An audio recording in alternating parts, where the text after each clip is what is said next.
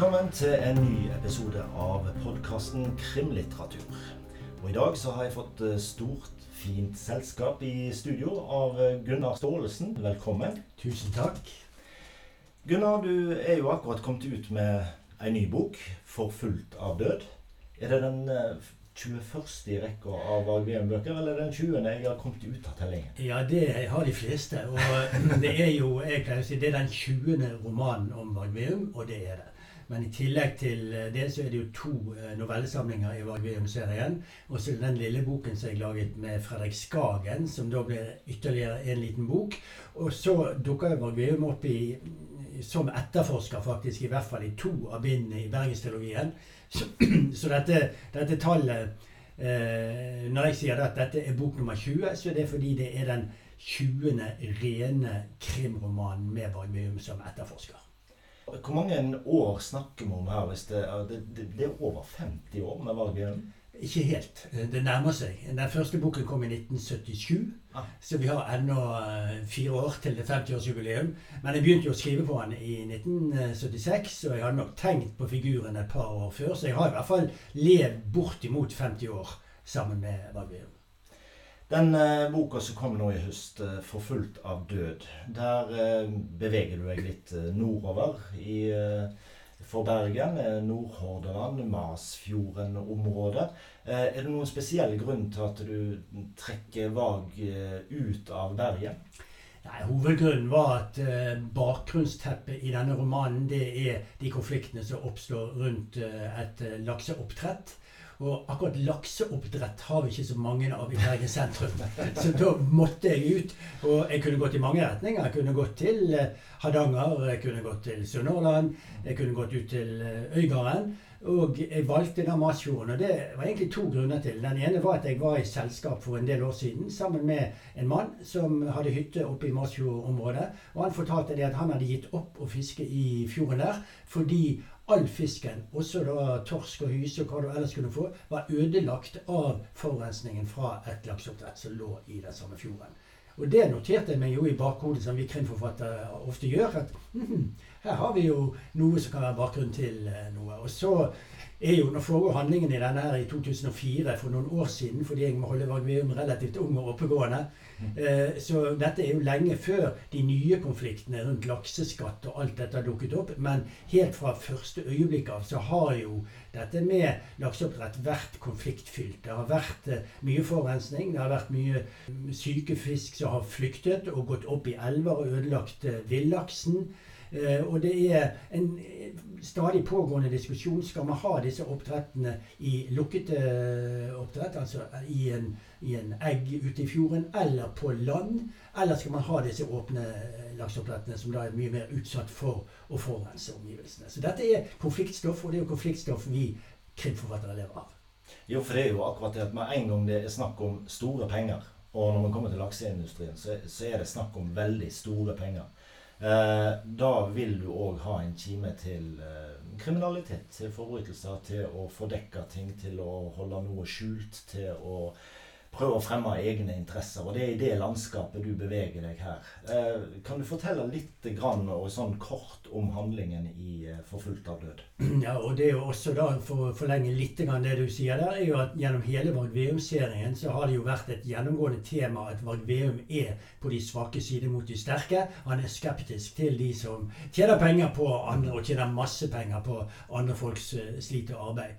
Selve handlingen her eh, den er jo også da kombinert til en litt kuriøs personlig opplevelse, nemlig at jeg ble fratatt sertifikatet mitt oppe i, i uh, Sogn og Fjordane. Jeg skal ikke ta den lange versjonen av den her, men det førte til at jeg måtte ta buss fra Førde til Bergen hjem fra et oppdrag i Nordfjord.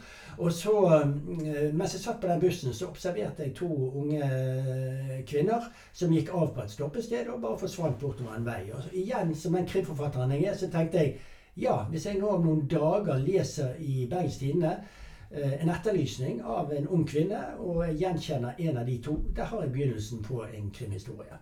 Så ble det jo slik som det ofte er, i mitt hode i hvert fall, at både et tema og en idé til en, et plott, en krimintrige, da plutselig eh, møtes. Og Da tenkte jeg at ok, jeg er i Masfjorden, her er det mye fiskeoppdrett.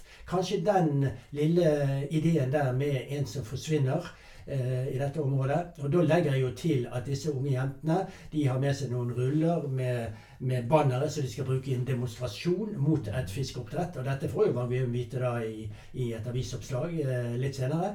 Eh, at eh, da har jeg en mulighet til å kombinere da eh, et rent eh, krimplott, som da ganske fort handler om at Vargveum finner et lik. Mm. Og Eh, fordi han er Vargveum, så er det en annen person i denne bygden som jeg da har diktet, da, som jeg kaller Solvik i eh, Der er det også en person som da spør om ikke Vargveum kan gjøre noen undersøkelser rundt eh, et tidligere dødsfall. Dette er jo den type plott jeg ofte bygger opp, fordi eh, Vargveum kan jo egentlig ikke etterforske et helt aktuelt drap. Det er det politiet som gjør han må komme inn på en måte via bakveien. Og et eh, dødsfall to år tidligere som er definert som en ulykke, det kan han begynne å undersøke litt rundt. Og så vil jo alltid være da i våre oppkonstruerte uh, intriger, slik at her begynner vi da etter hvert å sirkle oss inn mot uh, noe som har kanskje en sammenheng.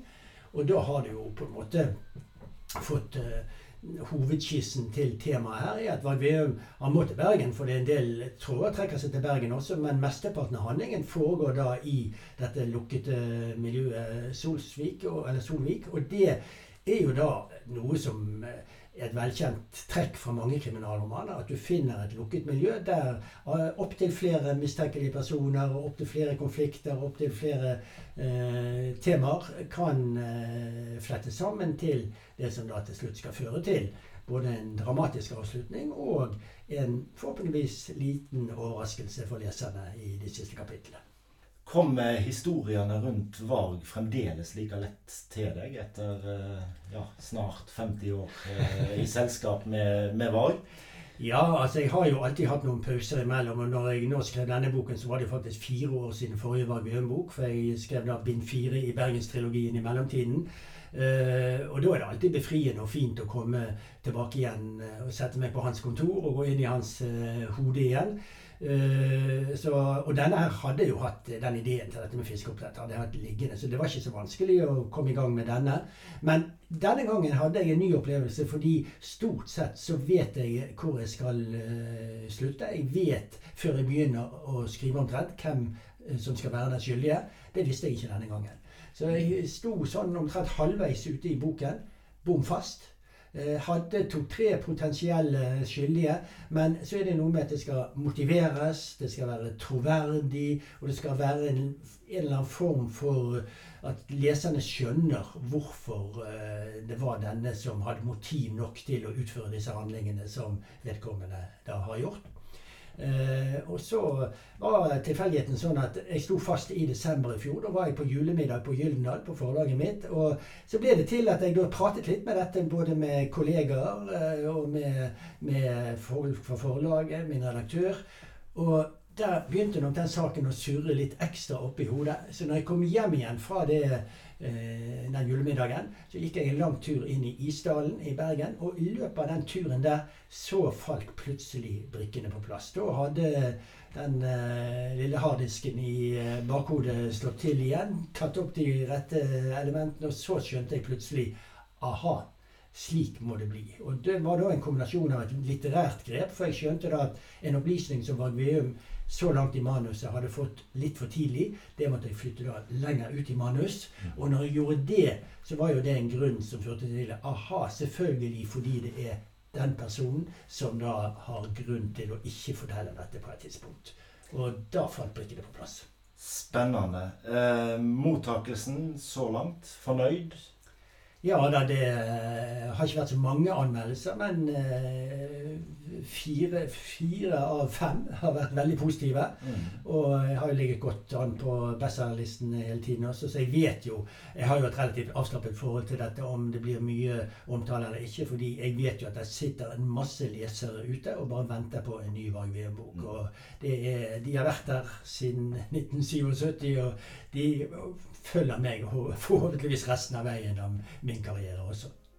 Tusen takk skal du ha, Gunnar Staalesen, for at du tok deg tid til å prate med oss om din nyeste bok, 'Forfulgt av død'. Veldig hyggelig. Takk skal du ha.